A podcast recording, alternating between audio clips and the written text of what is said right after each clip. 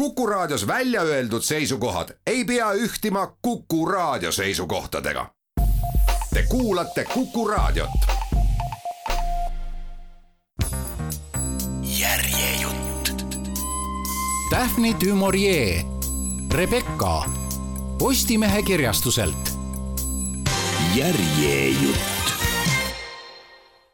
öösi nägin ma und, et olen taas Mandorleis ma nägin end seismas raudvärava juures, kust pääses sissesõiduteele, kuid ma ei saanud sealt tükk aega edasi, sest takistus oli ees. värav oli tabaluku ja ketiga kinni. ma hõikasin seal unenäos seistes väravavahti, kuid vastust ei tulnud ja kui ma siis värava roostetanud varbade vahelt lähemalt piilusin, nägin, et väravavahi maja on tühi korstnast ei tõusnud suitsu ja väikesed võreaknad haigutasid mahajäetuna. kuid äkitselt olid mul nagu kõigil unenägijatel üleloomulikud võimed ja ma läksin nagu kehatu vaim teel seisvast takistusest läbi. sissesõidutee väänles ja lookles mu ees siia-sinna niisamuti, nagu see oli loogelnud alati ennegi. ent kui ma edasi läksin, jõudis korraga minu teadvusse, et kõik on muutunud tee oli kitsas ja hooldamata. see ei olnud enam see sissesõidutee, mida me olime teadnud. algul tegi see mind nõutuks, ma ei saanud millestki aru ja alles siis, kui ma pea alla kummardasin, et hoiduda madalale rippu laskunud puuoksa eest, alles siis hakkasin mõistma, mis on sündinud. loodus oli astunud uuesti oma õigustesse ning võtnud vähehaaval vargsi ja salamahti sissesõidutee oma pikkade sitkete sõrmede kindlasse pitsitavasse haardesse. puud, mis olid juba ennegi tundunud ikka ähvardavat, olid nüüd lõpuks saavutanud võidu. Nad kasvasid tihedalt koos, tumedad ja isepäised, olles tunginud üsna teeveerele. pöökpuude paljad valged oksad nõjatusid üksteise najale ja ladvad olid põimunud kummaliseks kaisutuseks, moodustades mu pea kohal võlvi, mis meenutas mõne kiriku võlvkäiku. siin oli ka teisi puid, puid, mida ma ei tundnud.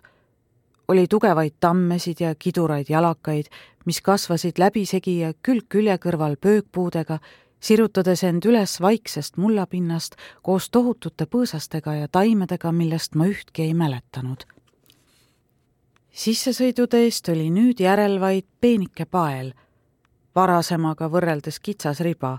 selle kruusakattest polnud enam jälgegi, rohi ja sammal olid selle lämmatanud. puude madalad oksad olid allapoole harali ja takistasid edasiminekut. pahklikud juured nägid välja nagu luukere kondid.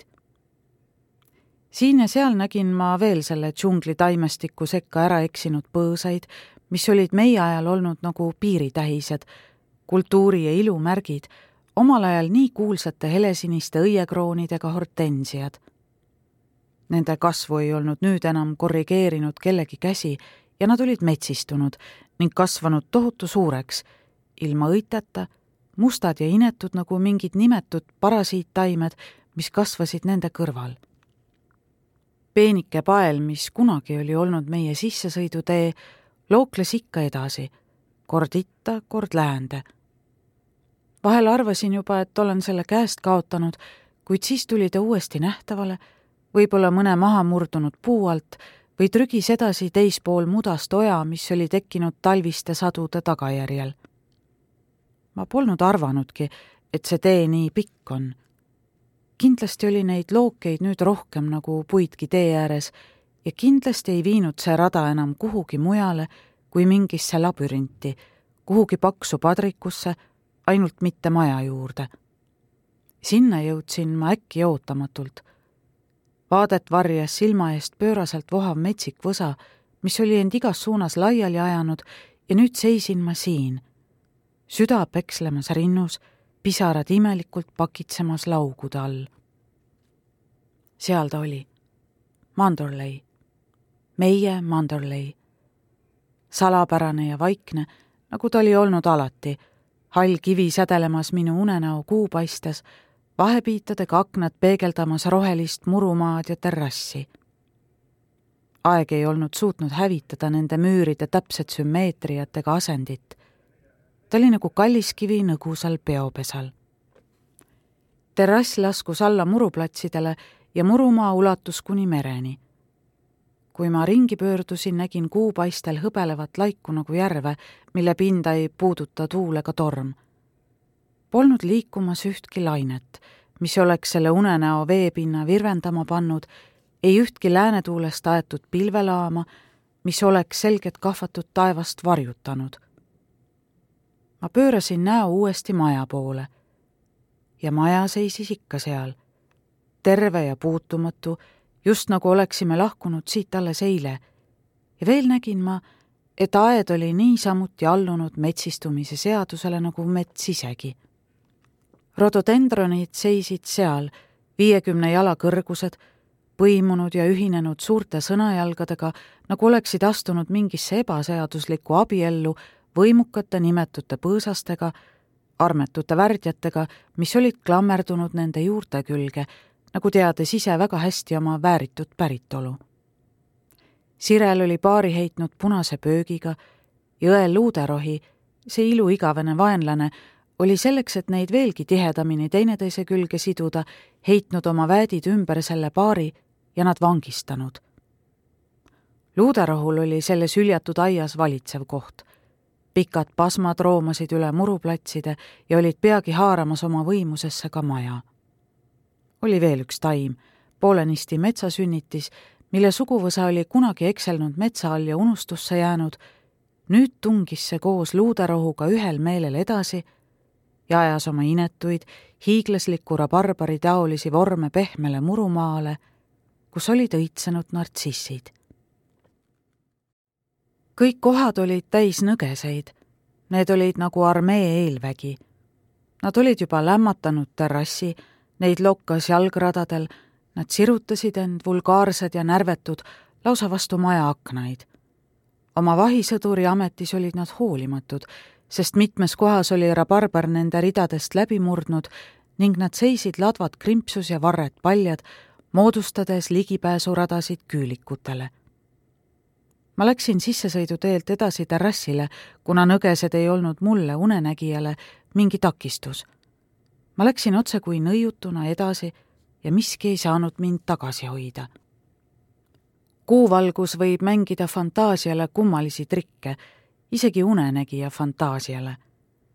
kui ma seal niiviisi seisin, hääletu ja liikumatu, oleksin võinud vanduda, et maja ei ole tühi kest, vaid elab ja hingab, nagu oli elanud kord varem. akendes oleks nagu põlenud valgus ja kardinad hõljunud tasa öötuules ning seal raamatukogu toas oli vist uks poolenisti paokil, nagu see meist oli jäänud, ja minu taskurätik seal laual, kus seisis vaas täis sügisesi roose. tuba oleks nagu kandnud alles meie siin viibimise märke väike virn raamatukogu raamatuid, mis tuli tagasi paigutada, ja The Timesi hetkeks käest pandud eksemplar.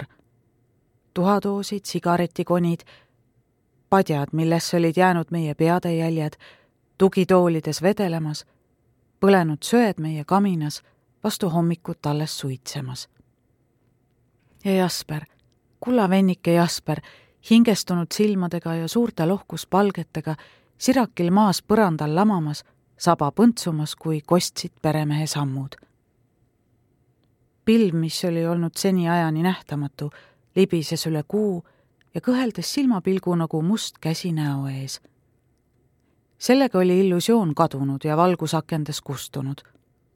ma vaatasin seda tühja kesta, mis nüüd lõpuks oli hingetu ja maha jäetud ning mille viirastuslike seinte kohal ei hõljunud enam mineviku sosinaid. see maja oli haud meie hirmud ja kannatused olid maetud selle rusude alla. siin ei olnud enam oodata ülestõusmist. Kui ma oleksin mõtelnud Mandorleile ilmsi, poleks ma tundnud valu. ma oleksin mõtelnud nagu siis, kui oleksin oma elu seal elanud hirmust ahistamata. ma oleksin meenutanud suvist roosiaeda ja koiduaegset linnulaulu tee joomist kastani all ja mereloksumist, mis kostis alt rannast üle murumaa meie kõrvu ma oleksin meenutanud õitsvaid sireleid ja õnneorgu. Need olid püsivad asjad, neid ei saanud miski hävitada. Need olid mälestused, mis ei tee haiget. nõnda leidsin ma seal oma unenäos, kui pilved katsid kinni kuupalge, teades ise samal ajal nagu magajad enamasti, et ma näen und. tegelikult magasin ma Mandorleist mitmesaja miili kaugusel võõral maal ja oleksin võinud juba järgmisel hetkel ärgata väikeses lagedas hotellitoas ning leida lohutust juba selle täiesti isikupäratust õhustikustki. Oleksin ehk korraks õhanud, ringutanud ja külge keeranud ning kui oleksin silmad lahti teinud, oleksin olnud rabatud, nähes seda kiirgavat päikest ja valgusselget taevast, mis nii põhjalikult erines minu unenäo mahedast kuuvalgusest.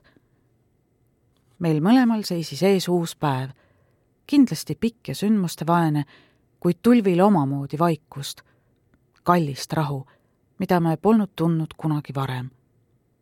Me poleks rääkinud Mandorleist, ma ei oleks jutustanud oma unenägu, sest Mandorlei ei olnud enam meie oma. Mandorleid ei olnud enam. ma ei saa enam kunagi tagasi minna, see on igatahes kindel. minevik seisab meile alles liiga lähedal asjad, mida me oleme püüdnud unustada ja selja taha jätta, ärkaksid uuesti ellu.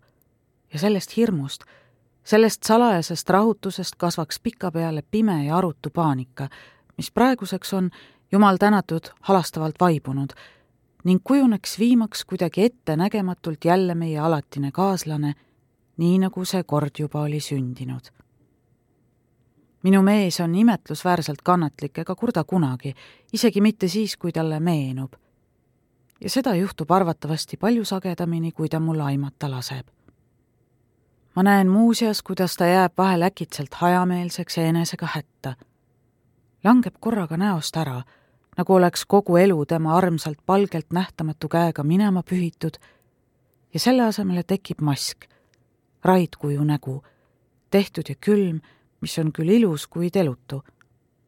Siis suitsetab ta vahet pidamata ühe sigareti teise järel, nägemata vaeva nende kustutamisega, nii et hõõguvad koniotsad jäävad ümberringi maha vedelema nagu lillekroonlehed. siis räägib ta kiiresti ja ägedalt tühjast tähjast, haarates kinni mis tahes teemast, mis on talle nagu valuvaigistav imerohi minu teada on olemas niisugune teooria, et mehed ja naised tulevad kannatustest välja tublimatena ja tugevamatena ning selleks, et me võiksime edasi minna selles või mingis teises maailmas, peame katseks tulest läbi käima. meie oleme käinud täiel mõõdul, ükskõik kui irooniline see väide ka tundubki. me mõlemad oleme talunud hirmu ja üksindust ja kohutavat piina. ma arvan, et varem või hiljem tuleb iga inimese elus kätte niisugune järeleproovimise hetk igaühel meist on oma saatan, kes meid tagant kihutab ja vaevab, kuni lõpuks oleme lihtsalt sunnitud lahingu andma. meie oleme oma lahingu võitnud või vähemalt usume, et see nii on. meie saatan ei kihuta meid enam tagant. oleme oma kriisist välja tulnud, muidugi mitte vigastamatult. õnnetuse eelaimus, mida mu mees tundis, oli algusest peale õige ja ma võin öelda nagu suuri sõnu puistav näitlejanna mõnes viletsas etenduses, et me oleme oma vabaduse eest maksnud. kuid mulle piisab melodraamast, mis meil selles elus oli, ja ma annan vabatahtlikult oma viis meelt, kui need tagavad meile alatiseks praeguse rahu ja julgeoleku. õnn ei ole varandus, mida saaks hinnata, vaid on mõtlemisviis, meelteseisund. muidugi tuleb meil ette meeleolu languse hetki ent on ka teistsuguseid silmapilke, kui aeg voolab igavikku, ilma et me seda mõõdaksime. ja ma näen tema naeratust ning tean, et me oleme koos, sammume ühel meelel edasi ja meie vahel ei ole ühtki lahutavat mõttevälgatust ega arusaama. meil ei ole nüüd teineteise ees saladusi. kõik on jagatud. ja ehkki meie väike võõrastemaja on igav ning toit maitsetu ja päevad venivad üksteise järel üsna ühetooniliselt, ometi ei taha me, et miski oleks teisiti. suurtes hotellides kohtaksime liiga palju inimesi, keda mu mees tunneb. me mõlemad hindame lihtsust ja meile on mõnikord igav, heakene küll, aga igavus on tänuväärt vastumürk hirmule. elame üsna ühetoonilist elu ja mina, ma olen õppinud päris andekalt ette lugema. ainus asi, mille puhul ma olen näinud meest kärsituks minevat, on see, kui post hilineb, sest siis peame võib-olla ootama järgmist päeva, enne kui Inglise ajalehed kohale jõuavad. me oleme proovinud kuulata raadiot, kuid müra on väga ärritav ja me oleme eelistanud oma elevust vaos hoida. mitme päeva eest peetud kriketivõistlused tähendavad meile palju. kes jõuaks loendada neid katsevõistlusi, mis on meid igavuse küüsist päästnud, neid poksimatše või koguni punktide arvu piljardimängus. koolide spordivõistlused, koerte võidujooksud, väikesed veidrad jõukatsumised mõnes kauges krahvkonnas, kõik need on andnud toitu meie uudistenäljale. vahel satub mulle kätte mõni vana Fieldi number ja ma rändan mõttes siit tuimalt saarelt elavasse Inglismaa kevadesse. ma loen valges vahus veevoogudest, ühepäevikutest, haljendavatel aasadel kasvavatest hapuoblikatest ja künnivarestest, kes tiirutavad puudeladvus, nagu nad olid tiirutanud Manderleiski. mulle lööb neilt näperdatud ja räbaldunud lehekülgedelt vastu niiske mullalõhna, turbarabade hapukat hõngu ja mõrkjat vina vesistest samblasoodest, mis haigrud on kohati valget rähniliseks kirjanud. kord juhtus mulle näppu kirjutis metstuvidest ja kui ma seda valjusti ette lugesin, oli mul säärane tunne, nagu oleksin jälle Mandorlei sügavas metsas, tuvid laperdamas mu pea kohal. ma kuulsin nende mahedat kurtvat hüüdu, mis on nii meeldiv ja vaigistav palaval suvisel pärastlõunal, kui miski ei häiri nende rahu. enne kui Jasper tuleb mind suure ajuga läbi põõsaste otsima, niiske koon jälgi ajades maas nagu vanad naised, keda tabatakse nende pesemistalitusel, paiskuvad tuvid seepeale laperdades oma peidukohtadest laiali, tobedast eksitajast äärmiselt pahandatud, rabistades pööraselt tiibadega ja tõusevad üles puulatvade kohale ning kaovad silmist ja kuuldekaugusest. kui tuvid olid läinud, laskus sinna kohta taas vaikus ja mina, süda teadmata põhjusel raske, avastasin, et päike ei põimi enam kahisevatest lehtedest mustreid, et oksad on läinud tumedamaks ja varjud pikemaks. ja et kodus pakutakse tee juurde värskeid vaarikaid. siis tõusin ma sõnajalgadest asemelt, rapsisin mulluste lehtede sulgkerge tolmu seelikult maha, vilistasin Jasperi kaasa ja seadsin sammud maja poole, põlates ennast rutaka sammu ja ühe ainsagi selja taha heidetud kiire pilgu pärast kui imelik, et üks kirjutis metstuvidest võib minevikku niiviisi ellu äratada ja panna mind ettelugemisel takerduma. see, et mees oli läinud näost halliks, sundis mind äkitselt katkestama ja lehti edasi keerama, kuni leidsin kriketiveerud, hästi asjalikud ja igavad. Middlesexi meeskond oli rünnanud väravat Surrey kriketiväljakul ja kogunud endale lõputult neid jubedaid vahetusjookse kuidas ma õnnistasin mõttes noid tublisid flanellülikondadega tegelasi, sest mu mehe nägu sai mõne hetkega rahu tagasi, talle tuli puna jälle põske ja ta pilkas Sorry pallinguid tulvil tervistavat ärritust. me olime päästetud minevikku tagasi langemast ja minule oli see hea õppetund. loe Inglismaa uudiseid, jah, ja Inglismaa sporditeateid ja poliitikat ja peenema seltskonna elu kuid hoia asjad, mis võivad haiget teha, ainult iseendale. Need peavad jääma minu salajaseks eralõbuks. värvid, lõhnad ja helid, vihm ja vee loksumine, isegi sügisudud ja tõusuhoovus, kõik need on Mandorlei mälestused ja neid ei saa keelata. mõnel inimesel on halb harjumus lugeda rongide sõiduplaane. Nad kavandavad loendamatuid reise läbi Inglismaa, lihtsalt lõbust kokku sobitada võimatuid marsruute. minu eralõbu pole nii tüütu, ehkki see on niisama veider. mina olen Inglismaa maaelu rikkalik teatmeallikas. ma tean iga Briti saarte raba omaniku nime, jah, ja nende rentnike nimesid samuti. ma tean, kui palju lastakse tetri ja põldpüüsid ja hirvi. ma tean, kus forell üles voolu tuleb ja kus lõhe lupsu lööb ma teen mõttes kaasa kõik jahiretked ja jälgin iga ajujahti. ma tean koguni nende inimeste nimesid, kes kasvatavad jahikoera kutsikaid.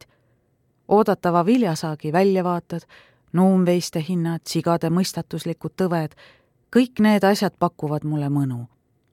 vilets ajaviide, võib-olla küll, ja mitte eriti vaimurikas, kuid ma hingan lugedes Inglismaa õhku ning mul on siis rohkem julgust siinse ergava taevaga silmitsi seista.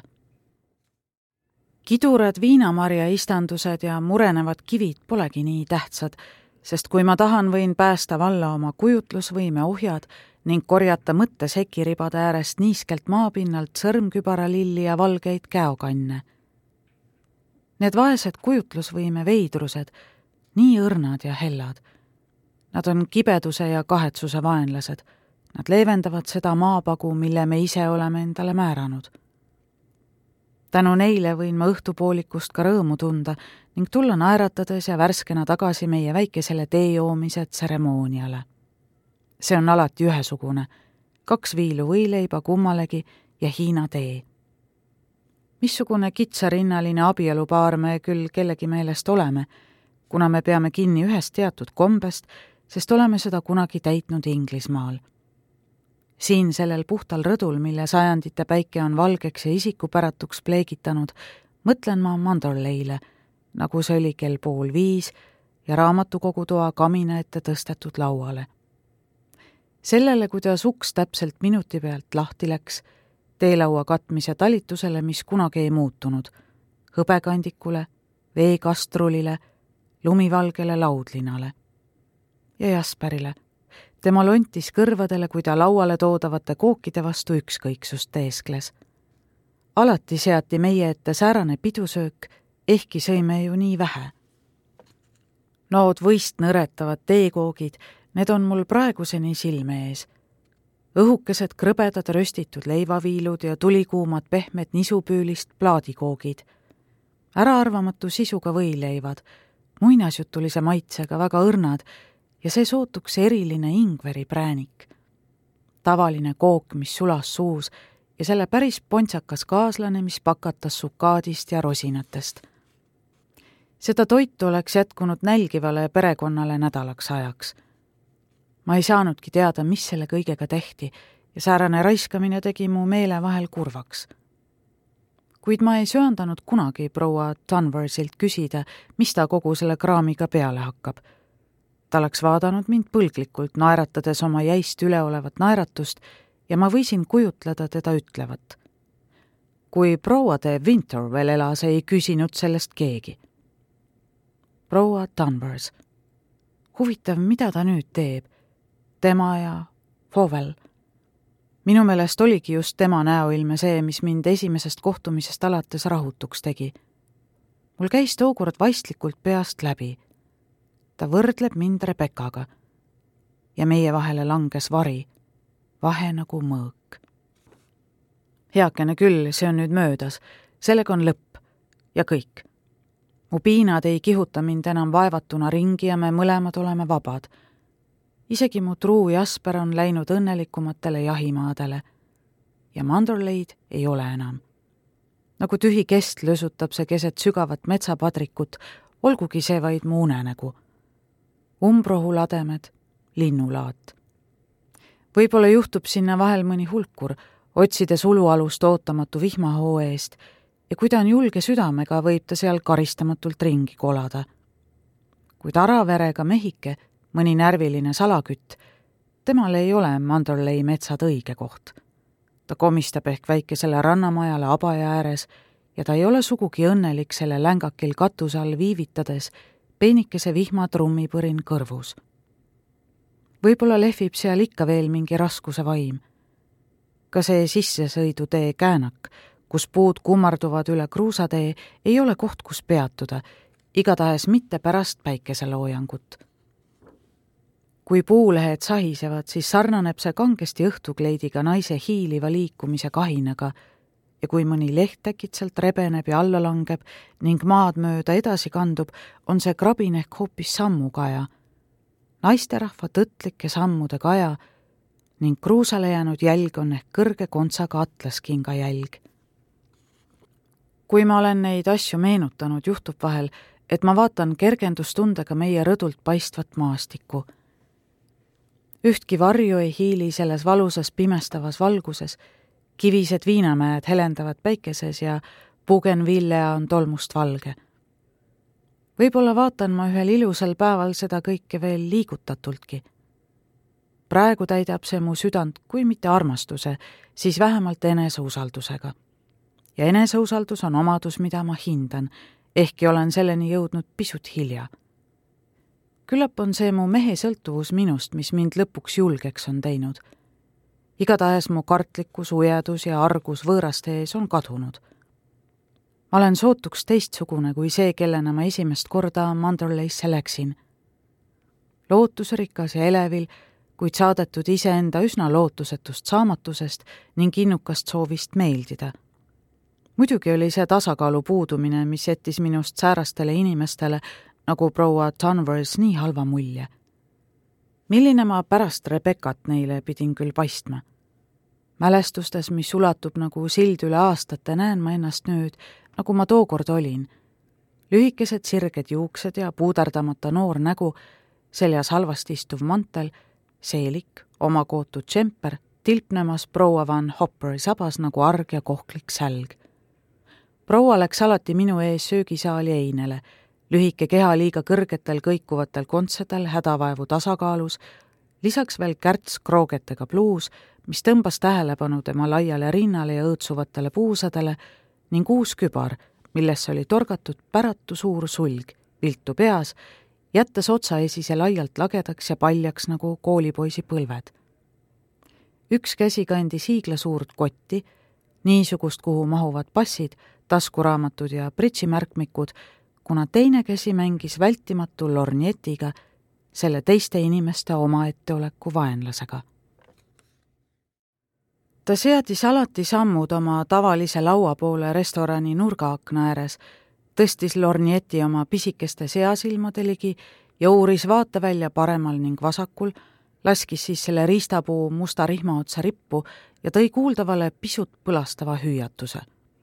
ei ühtki tuntud tegelast ma ütlen küll juhatajale, et nad peavad mulle hinnaalandust tegema. mis nad õige mõtlevad, milleks ma siia tulin? kas liftipoisse imetlema või? Ning seepeale kutsus ta kelneri, hääl terav ning kriiskav, nii et lõikas õhku nagu saag.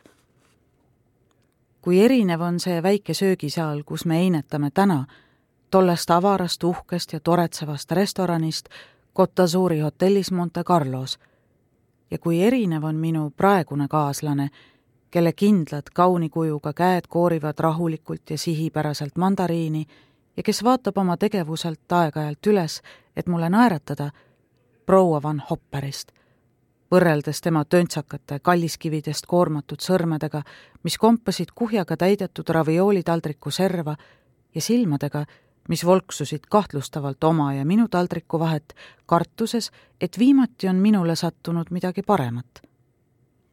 Tal poleks pruukinud karta, sest kelner oli juba ammu enne, ebaloomulikult kähku, nagu neile omane, ära tabanud minu kui alama ja sõltuva isiku seisundi selle proua juures ning tõi mulle taldriku singilõikude ja keelega, mille keegi oli poole tunni eest külmletti tagasi saatnud, kuna need olid halvasti tükeldatud.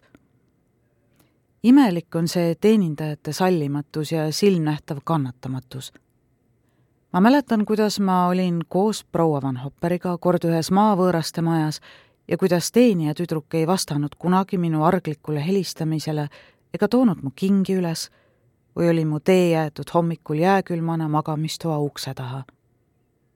sama lugu oli Kotasuuris, ainult veidi leebemas vormis, ja see õpitud ükskõiksus muutus vahel familiaarsuseks, üleolevalt naeratavaks ja solvavaks nii et postmarkide ostmine hotelliametnikult kujunes mulle raskeks katsumuseks, mida ma parema meelega oleksin vältinud. Kui noor ja kogenematu ma pidin küll näima ja kuidas ma seda ka ise tundsin. olin liiga hell, liiga kohmetu ja nii paljudes sõnades oli ikka pisikesi okkaid ning tühiseid torkeid, ehkki neid lasti lendu kaunis kergel moel mul on see singi ja keelelõikude taldrik praeguseni meeles. Need olid kuivadega äratanud isu, lahti lõigatud pealtpoolt pikki kiudu ja minul ei jätkunud julgust sellest keelduda. Me sõime vaikides, sest proua Van Hopper keskendus alati meelsasti oma toidule ja mina teadsin selle järgi, kuidas kaste tal mööda lõuga alla jooksis, et tema raviooli maitseb talle hästi.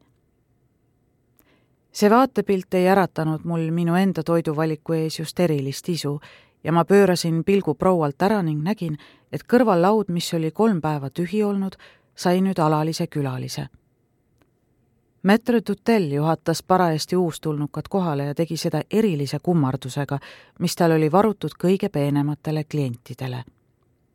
proua Van Hopper pani kahvli lauale ja sirutas käe lornjeti järele. ma punastasin tema pärast, kui ta võõrast niiviisi vahtis ja uustulnuk, kes polnud tema huvist teadlik, silmitses põgusalt toidukaarti siis pani proua Van Hopper lornjeti plõksaki kokku ja laskus rinnuli üle laua minu poole pisikesed silmad elevusest kilamas ja hääl natuke liiga vali.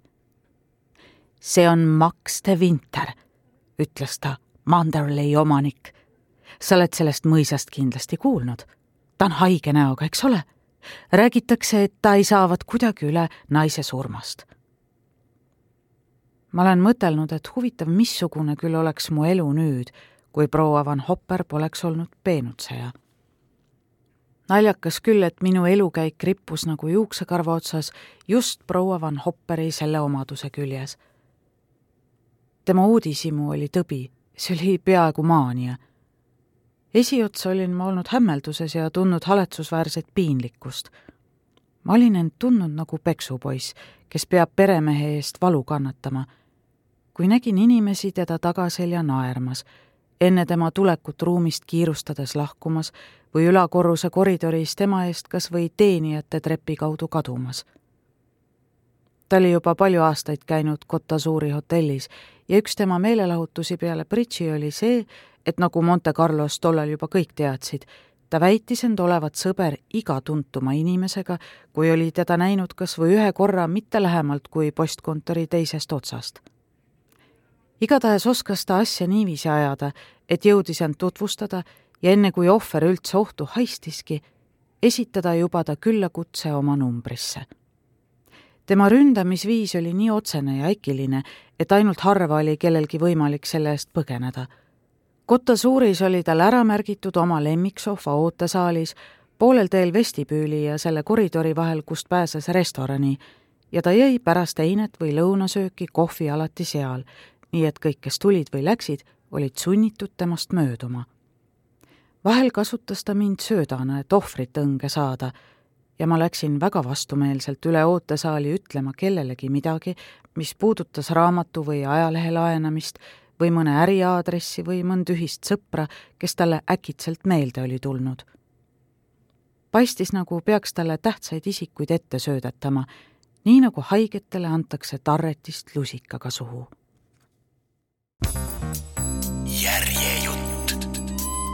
Daphne du Maurier, Rebecca Postimehe kirjastuselt. järjejutt